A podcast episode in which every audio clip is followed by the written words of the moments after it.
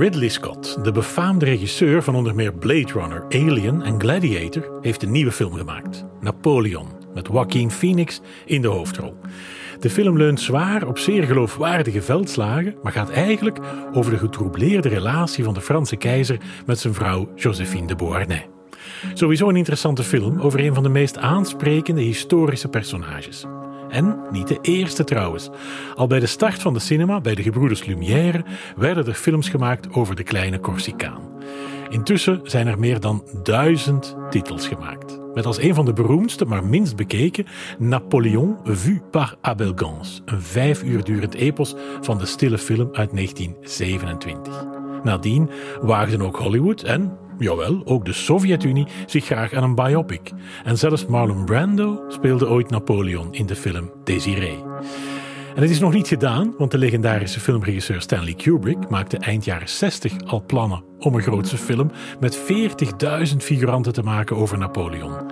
Niemand minder dan Steven Spielberg is nu bezig om die film te maken, maar dan als miniserie voor HBO. Over de nieuwe en de oude films over Napoleon praat ik in deze aflevering met Harold Polis. Welkom bij Voorproevers. Voorproevers.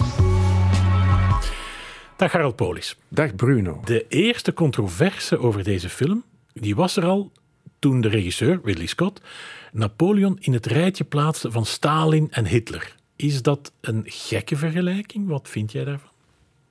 Het is geen gekke vergelijking als je op zoek gaat naar uh, grote mannen die de geschiedenis bepalen. Mhm. Ja, want dat zijn dan meestal ook witte mannen, soms met een baard, Bruno, die dat doen. Ehm, het is geen correcte vergelijking, omdat het natuurlijk een anachronisme is. Hè. Je kan uh, de 20e eeuw in dat opzicht niet vergelijken met, uh, met de Napoleontische tijd. Ja. Er spelen andere dingen. En ja, en als je op die manier begint te rekenen, dan zijn er heel veel mensen die gruweldaden hebben gepleegd, hoor. Ja, en het zijn misschien ook anderen die gruweldaden vergelijken. Laten we dat pad uh, misschien niet opgaan. Ja, toch misschien straks wel, omdat Ja. we nog uh, een, Zeker, we vergelijking tijd. mogen. We mogen nog een vergelijking maken als we het nu daar hebben over, over uh, gruweldaden tijdens de Franse Revolutie. Ja. Maar dat is natuurlijk ook een onderdeel van de film. Klopt. Nu, het hangt, hangt het ook niet een beetje van je oorsprong af, namelijk wie je bent, uit welk land je komt, hoe je naar Napoleon kijkt? Oh ja, de Britten die heb ik uh, in uh, de aanloop tot het uh, uitkomen van deze film heel rare dingen weer horen zeggen over Napoleon. Uh, The Little Frenchie Ja. en Boney. En The Guardian stond er vol van, van dat soort denigrerende opmerkingen. Um, maar het hangt af van waar je, waar je inderdaad uh, waar je leeft en op de manier waarop Napoleon uh, de nationale geschiedenis eigenlijk heeft beïnvloed. In Rusland wordt er heel anders gedacht over die man dan in Londen bijvoorbeeld. En dat merk je dan in de verschillende visies die over Napoleon verschijnen, zowel te boek als, als in de film. Hè? Ik vrees dat je daar een beetje rekening mee moet houden. Uh, het is altijd gekleurd door wie het maakt en, en, uh, en wie er naar kijkt. En dat maakt die figuur natuurlijk ook zo ontzagwekkend boeiend. Je geraakt er niet op uitgekeken, want er is altijd een andere Napoleon die opstaat. Uh, Harold Polis, we praten nu over het portret van Napoleon in de film, in verschillende films zelfs. Maar mensen kennen jou als uitgever en als schrijver. Wat heb je eigenlijk met Napoleon? Uh, persoonlijk heel veel. Ik heb een, uh, als kind een soort Napoleon-obsessie opgelopen door uh, op jonge leeftijd al de leeuw te bestijgen, uiteraard. En daar over het slagveld te mijmeren bij motregen. En daar, het dat is, daar altijd te regen. Het is altijd, het is altijd te vochtig, het is altijd regen. Het is altijd, je, je, zakt weg in de modder daar, wachtend tot de slag begint. Maar dat is iets dat mij altijd is bijgebleven. Ook ik ben veel in Parijs geweest als, als, als, als jonge jongen. En dan dan ga je uiteraard naar de tombe van L'Empereur kijken. Ja, die ze daar hebben. Hè. En heb jij ook nog wat met film? Zeker. Uh, ik heb denk ik uh, als kind van de 70s uh, ben ik uh, onder andere met die draak van een film over Waterloo opgegroeid. waar heel veel mensen stierven. Uh, dat is een film uit 70, mijn geboortejaar. Uh, maar ja, goed, er zijn in elk decennium, ook van de, van de tv-geschiedenis, zijn er reeksen geweest. Films ja. Over details van, van zijn leven gingen, over de 19e eeuw, over filmingen van oorlog en vrede. You name it. Het is echt oneindeloos. Hoe komt dat? Ja, omdat het uh, een paspartout is die gewoon de tijd opent. Uh, wij als we nu over ons eh, hier in deze studio in Brussel spreken, ja, ons, ons perspectief gaat misschien terug tot de Eerste Wereldoorlog, hè, met moeite. Mm. Als we dan de periode daarvoor willen bekijken, ja, dan heb je eigenlijk uh, je hebt hulpjes nodig. En Napoleon is, er, is iemand die, die voor ons de, het venster op de geschiedenis opent. Uh, de venster op de geschiedenis en misschien als figuur heeft hij zelf ook een nieuwe geschiedenis geopend. Dat is eigenlijk de. Op, ja, in onze, ik heb geschiedenis gestudeerd. In onze tijd was de Franse Revolutie, dat is een césuur. Dat is het einde van de nieuwe tijd en het begin van de nieuwste tijd. Nu, Napoleon heeft niet de Franse Revolutie veroorzaakt, maar bon. Nee, dat is waar, Bruno. Maar ik, ik heb Nederlandistiek gestudeerd en dus ja, ik, ik veroorloof mij de hele tijd dichterlijke vrijheden. Dus ik zou het niet als een césuur bekijken, maar als een ontwikkeling. Hm. Uh, waarbij Napoleon uh, het symbool bij uitstek is aan de hand uh, waarvan je de, de 18e eeuw en de 19e eeuw kan begrijpen. En die man wordt natuurlijk overal in Europa en ver daarbuiten als een, als een metafoor bekeken voor wat er toen is gebeurd. En in beginsel is dat niet meer dan de overgang van een oude wereld naar een nieuwe wereld.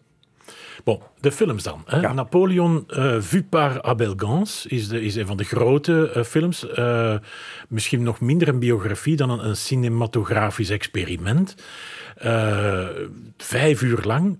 Weinig mensen hebben die film gezien natuurlijk. Toch, bedoel, dat klopt. het is ook een stomme film. je moet hem in het beste geval kan, kan, kan je hem ooit bekijken met live muziek. Dat heb ik ik heb ooit grote stukken kunnen bekijken met, met uh, live muziek in Antwerpen. Uh, ja, dat is een heel modernistische film. Hij komt uh, heel artistiek over, denk ik, voor hedendaagse kijkers. Omdat Abel Gans werkelijk alle trucken naar boven haalt om, om ja, de veelzijdigheid van die man en, en ook de, de, de vloeibaarheid van de geschiedenis te tonen. Hij, hij knipt beelden op, hij werkt met verschillende beeldschermen, belichting allemaal speciale effecten avant la lettre, die, die natuurlijk de grootsheid van die man moeten benadrukken, want dat is eigenlijk het onderwerp van de film. Ja. De grootsheid van Napoleon. Ja, dus dat, een bewonderende film is dat dan eigenlijk. Hè? Dat is, die zet Napoleon op een piedestal als leider, maar ook als mens. Dat zou je zo kunnen zeggen. Misschien heeft het ook gewoon te maken met de manier waarop dat er film werd gemaakt uh, in die periode. Omdat uh, de periode van de stomme film is natuurlijk zwart-wit. Ja. Uh, en die zwart-wit dimensie die maakt veel mogelijk, maar die heeft ook voorkeur voor de essentie. Ja, de essentie in dit geval is iemand die te veel testosteron heeft en graag op mensen laat schieten. En dus dat zie je dan. Ehm, ik denk dat dat niet de, de, de film is waar je de nuance in gaat, gaat zoeken. Als je maar één kans krijgt om Napoleon te leren kennen, is het niet, misschien niet via de film Napoleon vu par Abelgans. Nee, dat denk ik niet. Nee. Eh, in, uh, in 1955 draait een andere Fransman, Sacha Guitry, een, uh, een, een Napoleon-film die ook gewoon Napoleon heet een vrij klassiek heldenportret, denk ik dat we die, die film uh, moeten noemen. Hè? Zeker, ja, chronologisch opgebouwd. Uh, heel proper gespeeld. Hm. Uh, ook alle knopen zaten juist, is mij opgevallen. Hè. Dus uh, lieve luisteraars thuis in de de vroege 19e eeuw wist men zich dus goed te kleden. Hè. Het waren allemaal nette mensen. Uh, ook net geschoren, ook allemaal. hè. Gek genoeg. Er was geen elektriciteit, maar dat ging allemaal. In die film wordt ook niet naar het toilet gegaan, uh, is mij opgevallen. Dus dat is een, een soort clean versie uh, van, van de geschiedenis, vond ja. ik. En hij volgt ook vrij trouw de geschiedenisboekjes. Hè. Hier alvast één fragment. Frenchmen, surrender! Il vous conseille de nous rendre. Comment peut-on demander au général Cambon de se rendre? On se fait tuer, nous autres! On ne se rend pas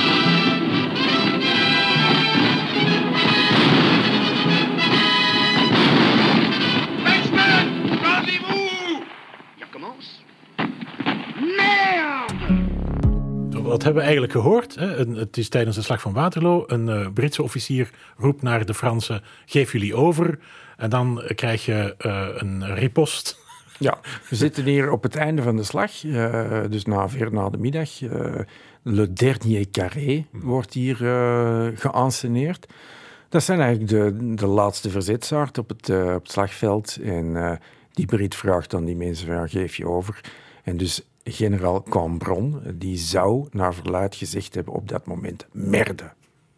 En dus, nee, we geven ons niet over. We geven ons niet we laten over. ons tot de laatste man afslachten. Waarna ze inderdaad zeer scenografisch uit de aarde vallen, eh, gesneuveld, allemaal in groep, eh, geveld door Britse kogels. Of dat nu waar is of niet, wie zal het zeggen?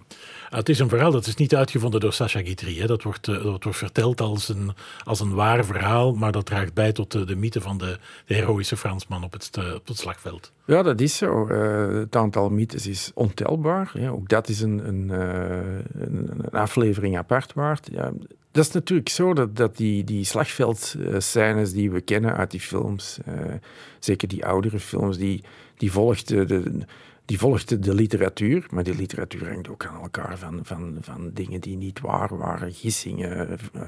Men wist op het, op het slagveld zelf amper wat er gebeurde. Dus dat is ook iets wat we ons moeten, moeten goed moeten, moeten voorhouden.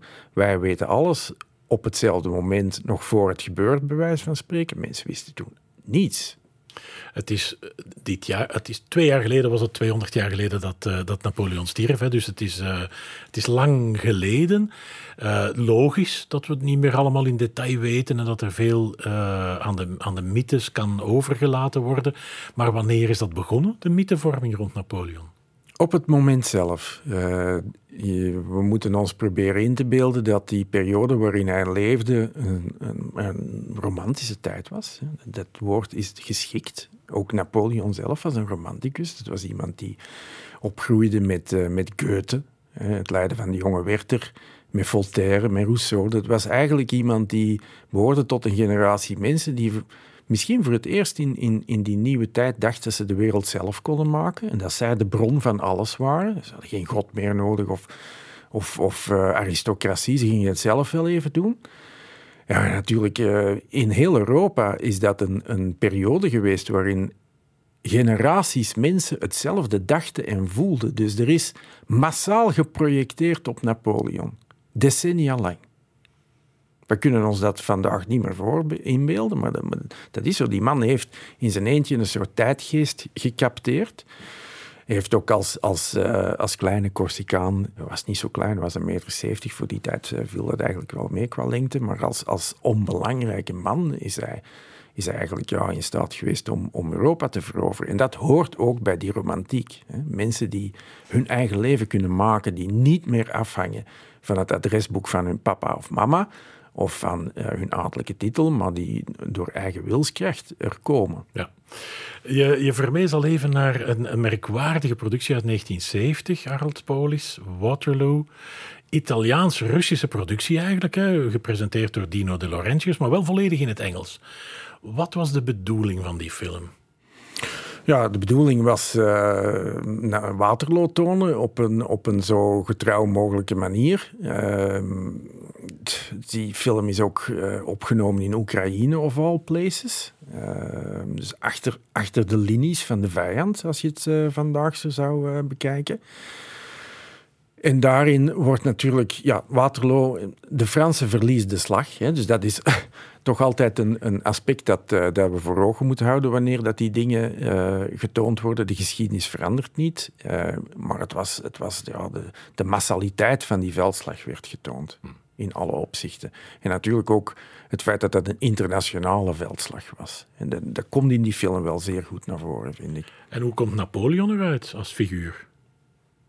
Ja, uh, ik vond het heel slecht. Uh, maar goed, het is ook niet bepaald een film die overloopt van nuances, eerlijk gezegd. Uh, dat moet je ook niet gaan bekijken om, om de psychologische portretten van die mensen goed, uh, goed te bestuderen. Dat, dat gaat om, het, om het, ja, eigenlijk het uitvoeren van clichés, het, het verbeelden van de clichés die rond die mensen horen. Blücher, Wellington, Napoleon, ja. Uh, en hoe komt Napoleon uit die nieuwe film van Ridley Scott, die, uh, die er nu is? Uh, ik zou willen zeggen genuanceerd, uh, maar dat kan ik niet volledig zeggen, omdat hij, vind ik, zeer gemanieristisch wordt gespeeld door, uh, door Joaquin Phoenix. Dat heeft te maken natuurlijk met onze kijkervaring van Joaquin Phoenix. Die, mensen kunnen die man niet meer zien zonder de Joker te zien, uiteraard. Uh, Gladiator is al voor de iets oudere luisteraars onder ons.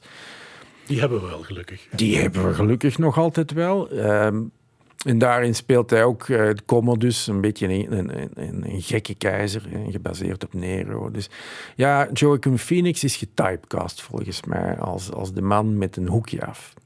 En, en dat is eigenlijk het, het beeld dat je overhoudt van uh, Napoleon uit die nieuwe Ridley Scott-film. Hij heeft Napoleon proberen te tonen als een imperfecte historische held. En dat is, dat is hem zeker gelukt. Misschien moeten we even luisteren naar wat de regisseur Ridley Scott te gezegd heeft over waarom hij die film wou maken. And yet there's something about him that fascinated me in that how could a man like this who's on his way to take Moscow, to take Russia, be obsessed with what his his wife is doing back in Paris. Hoe kan iemand die op weg is om uh, de wereld te veroveren en op Moskou gaat binnenvallen, zich zo obsederen door wat zijn vrouw in Parijs uitsteekt? Dat nou, was fascinerend volgens hem. Dat snap ik. Dat heb ik uh, ook vernomen, dat hij dat vindt. Maar eigenlijk, ja, dat hangt ook een beetje samen met die periode volgens mij. Ik, ik, uh, ik heb onlangs nog een boek gelezen over het feit dat bij die Napoleontische oorlogen troepen echt massaal aan, aan groepsmelancholie leden. Dus er is, er is in die tijd, dat hangt ook samen met, met het, soort mens dat ten strijde wordt gestuurd. Ja, dat waren natuurlijk intussen ook allemaal tussen haakjes romantisch geïnspireerde zielen. Die hadden heimwee. En die vielen massaal uit, die staken elkaar aan met elkaars heimwee. Dus we, er is ook een mythe dat het allemaal vechtjassen waren, wat natuurlijk ook zo is, want die mensen hebben ontberingen doorstaan. Maar emoties die waren er uiteraard. Waarom zou Napoleon geen emoties mogen koesteren? Dat is de kern van de film, hè? de relatie tussen eh, Napoleon en, uh, en Josephine. En vooral zijn verlangen naar haar, dat niet wederzijds lijkt. Ja, de emotionele instabiliteit van Napoleon. Ja. Dus ik zou, zo heb ik het ge, ge, gezien en, en ervaren. Wat natuurlijk voor een deel bevestigd wordt door de, brieven die we kennen van hem. Want eigenlijk, ja, dat, daardoor weten we eigenlijk vrij veel hoe, hoe hij zich voelde. Of in elk geval toch hoeveel dat hij zich tegenover haar uitliet. Want die brieven zijn gewoon beschikbaar. Dat is wonderlijk en zeldzaam. Ja, uh, dat is zo. Ze zijn niet uitzonderlijk. En nemen doorsnede van de bevolking en iedereen zal zich slecht voelen wanneer zijn vriend of vriendin hem in de steek laat of bedriegt. Uh, maar het feit dat je dat weet van zo'n historische figuur maakt het wel bijzonder. Ik, weet, ik ben er zelfs niet van overtuigd dat de causaliteit is zoals uh, Ridley Scott het toont. Namelijk, uh, man heeft hartzeer en begint aan Europa uit te moorden. Dat is een stap te ver. Maar hij heeft wel een poging gedaan om hem menselijk te tonen. Ja. ja. En, en Josephine, wat weten we daar eigenlijk over? Klopt het portret dat je van haar krijgt? Want zij is een beetje, ze komt wat koud over hè, en berekend. Dat is zo, maar goed, ehm, zij komt uit een aristocratische familie, afkomstig van Martinique. Dus het is een Creoolse vrouw geweest uh, die ja, volop in, in de turbulentie van die revolutie terechtkomt. Uh, zij moet zien te overleven op het moment dat de aristocraten een kopje kleiner worden gemaakt. En ja, op een heel pragmatische manier kiest zij ervoor om aan te pappen uh, met de man die volle machtsontplooiing zit. Napoleon is op dat moment een, een, uh, een officier die het, die het goed doet. Hij heeft net Toulon veroverd. En dus die vrouw met twee kinderen, uh, ja, die moet overleven. En dus dat wordt ook heel goed getoond in de film. Nu, het probleem is dat, dat ze dus een Creoolse vrouw is die ouder was dan Napoleon. Dus dat, dat aspect in de film heb je natuurlijk niet mee. Nee, omdat, de acteurs zijn juist andersom. Ja, klopt, ja. Phoenix is ouder dan ja. de actrice die Josephine speelt. Ja, en uiteraard, dat mag ik ook nog even vermelden voor de, de luisteraars thuis, Napoleon was een schuinsmarcheerder. Hè. Dus in de film wordt, wordt, uh, wordt, hij, wordt hij getoond als een man die, die aan hartzeer leidt, maar hij liet het niet aan zijn hart komen, hè, als, het, als we het zo mogen uitdrukken. Het was niet de enige vrouw in zijn leven. Nee, maar ja, laat ons zeggen dat hij de, de double standard uh, hoog hield. Hè. Absoluut. Hij mocht wel, maar zij niet natuurlijk. Ja. Ja. De andere focus van de film die ligt op de veldslagen, waar nogal wat, uh, uh, laten we zeggen dat het merendeel van het budget daar naartoe zal gegaan zijn vrij geloofwaardig, denk ik? Of uh, wat is jouw uh, indruk daarvan? Well, ik denk dat wij allebei met uh, piepende oren zijn buitengekomen. Hè. De, ja. Het aantal tonnen buskruid dat opgestookt is tijdens die, tijdens die filmopnames moet aanzienlijk geweest zijn. Ja, ik vind zonder meer goed wat hij heeft gedaan. mijn persoonlijke favoriet was, was Oosterlitz. de slag bij Oosterlitz. Slag bij Oosterlitz. waar de, de Russen en de Oostenrijkers door het ijs zakken. Ze worden in een val gelokt en uh, de troepen van Napoleon schieten dan het ijs kapot van het meer waar, uh, waar die mensen op staan. Dus dat is echt heel goed gedaan. Ook Toulon, en dat is helemaal in het begin van uh, de film, de belegering van Toulon. Dat is eigenlijk, dat zou je kunnen benoemen als het begin van zijn roem. dat is een havenstad in Frankrijk die hij ontzet van, de, van de Britten. Zij jaagt die weg. Dat is ook zeer goed gedaan. Waterloo was ik minder overtuigd, eerlijk gezegd nu met die verschillende films te zien, uh, er zijn blijkbaar zinnetjes die zo belangrijk zijn of zo legendarisch zijn dat die verschillende films voorkomen. Ik heb er hier eentje uit, uh, dit is de, de Duke of Wellington, die dit tijdens, tijdens de slag van, uh, van Waterloo, Waterloo zegt. En deze komt ook uit de film Waterloo. Your Grace, Napoleon has ridden within range. May I have your permission to try a shot?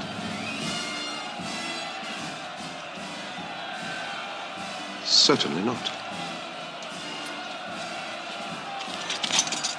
Commanders of armies have something better to do than to fire at each other.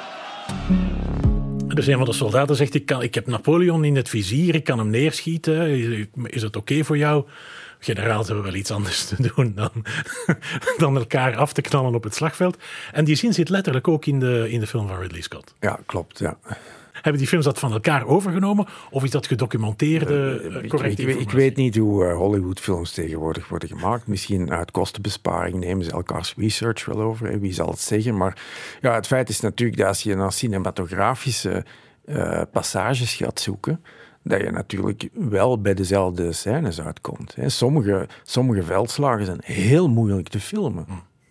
Heel moeilijk tot niet. Ik denk nu bijvoorbeeld aan een, een veldslag die er jammer genoeg niet in zag. Dat is de Vulkerslacht, dus de slag bij Leipzig. Uh, die heeft Napoleon verloren. Uh, dat heeft op ons een, een enorm uh, mausoleum opgeleverd in Leipzig, vlak buiten de stad, eh, waar die overwinning wordt gevierd. Dus de bevrijding eigenlijk een mausoleum dat uh, ja, ook nog in de geschiedenis een rol speelt. Hè. De, laatste nazi-bezitters van Leipzig hebben zich teruggetrokken in dat mausoleum. En dan hebben de, de geallieerden hen eruit weggeschoten. Dus dat is echt dat is een plek ook in de geschiedenis die een enorm beladen uh, betekenis heeft. Uh, dat, is, dat, is, dat is scharnierpunt tussen het oosten en het westen, tussen Europa en Rusland. Ja, dat zit er niet in. Dat is jammer. Hè. Dus nog zo'n nog zo'n veldslag die interessant was. Uh, ik ratel maar wat door. Hè. Maar Eilau, dus in het huidige Kaliningrad. Dat is eigenlijk de eerste veldslag die hij bijna heeft verloren. Dus je zou technisch gesproken kunnen spreken van een soort uh, gelijkspel. Dat is ook in de vrieskou uitgevochten. En ja, ook een totaal chaotische bedoeling. En hij is daar wel weggekomen, maar amper. En eigenlijk, uh, je merkt het ook op de schilderijen, die van, de weinige schilderijen die van die veldslag zijn gemaakt, dat hij even grauw ziet als zijn, zijn grijze legerjas. Ja, dus dat, dat is ook een aspect dat vind ik in de film iets te weinig aan bod komt. En dat is het, het feit dat Napoleon een duivelaanjager is geweest, die altijd de, de marges opzocht van het mogelijke. Er zijn tientallen keren geweest dat die man dood had kunnen zijn. Dus zijn briljante overwinningen zijn vooral net geen mislukking. Absoluut, ja, ja, absoluut wel. Ja, ja. En dat begint helemaal in, in, in, uh, in het begin in Italië, zijn, zijn veldtocht uh, in Italië. Ja, er zijn ook momenten geweest dat die man gewoon voorop liet in de, in de strijd. Ja, bijna het leven liet, uiteraard. En dat waren gokken, hè. Polis, er is nog een uh, aspect van, van Napoleon. Hè. Dus uiteindelijk, hij komt voort uit de Franse revolutie, het einde van het ancien regime en het einde van het koningshuis. Maar toch besluit hij na een tijdje dat hij best keizer wordt. En daar hoort ook een legendarische uitspraak bij. I found the crown of France in the gutter. I picked it up with the tip of my sword and cleaned it. And placed it atop my own head. Ik heb de kroon van Frankrijk uit de goot gehaald met het tipje van mijn zwaard en op mijn eigen hoofd uh, gezet. Is dat een accurate visie, denk je, van, van hoe Napoleon zijn eigen kroning zag? Ik denk het wel. Uh, dat is ook een, een, passage in de film die echt heel goed gedaan is. Trouwens opgenomen in Engeland, niet in Notre Dame, want die staat in de stijgers uiteraard. Ja, dat is zo, omdat uh, die periode na de Franse Revolutie een soort uh, processie van echternach is geweest van, van conservatieven en revolutionairen die het stokje aan elkaar hebben doorgegeven om de macht uit te oefenen. Dus, en die dubbelheid zit ook in Napoleon. Hij wil tegelijkertijd natuurlijk de wereld veranderen, wat hij ook echt heeft gedaan. Hè, want ook dat is een aspect dat niet in de film aan bod komt. Zijn maniacale vernieuwingsdrang. En die man heeft echt ongelooflijk veel vernieuwd uh, op alle mogelijke vlakken. Van het uh, erfenisrecht tot, uh, tot het metrisch stelsel, bij wijze van spreken. Uh, maar ja, tegelijkertijd wordt hij ook getrokken door, door het verleden. Dus de illusie die mensen op dat moment in, in Europa koesteren, is dat ze volledig nieuwe mensen kunnen worden. Maar ja, het verleden komt terug in galop, uiteraard. En vandaar die kroon die hij opraapt uit de goot. Bij historische films krijg je natuurlijk vaak de vraag: ja, is het wel allemaal echt zo gebeurd? Ridley Scott antwoordt daarop: ja. Hoe weet jij dat het niet zo geweest was? Je erbij misschien. Dus wat, wat is jouw finale conclusie uh, over de historische correctheid van, van de film? Ik vind alleszins, uh, als cinema-ervaring vind ik het zeer mooi. Uh, goed, mooi, mooi is misschien een verkeerd woord, maar toch, nee, het is, het is mooi gedaan. Hè. Dus, niemand heeft het hem voorgedaan in, sommige, in sommige scènes. Dus dat is zeker geslaagd. Historische accuratesse ja, dat laat ik aan hem over. Hij heeft de keuzes ook gemaakt. Hè. Dus er is een director's cut, zo laat ik mij vertellen, van vijf uur. En die zal ongetwijfeld dichter bij het beeld komen dat Scott zelf van Napoleon had. Eh, we spreken hier over de, de publieksversie van twee, twee uur en een half. Ja. Uh, daarin moet je harde keuzes maken, dus veel niet tonen, ongetwijfeld. Maar toch, het is, uh, het is denk ik een aanrader voor wie wie historische films uh, graag heeft en mantel- en degen-epiek uh, genegen is. Dankjewel, Harold Polis. De nieuwe film van Ridley Scott gaat over en heet ook gewoon Napoleon. Dit was Voorproevers. Deze en alle andere afleveringen vind je op VRT Max. Tot de volgende keer.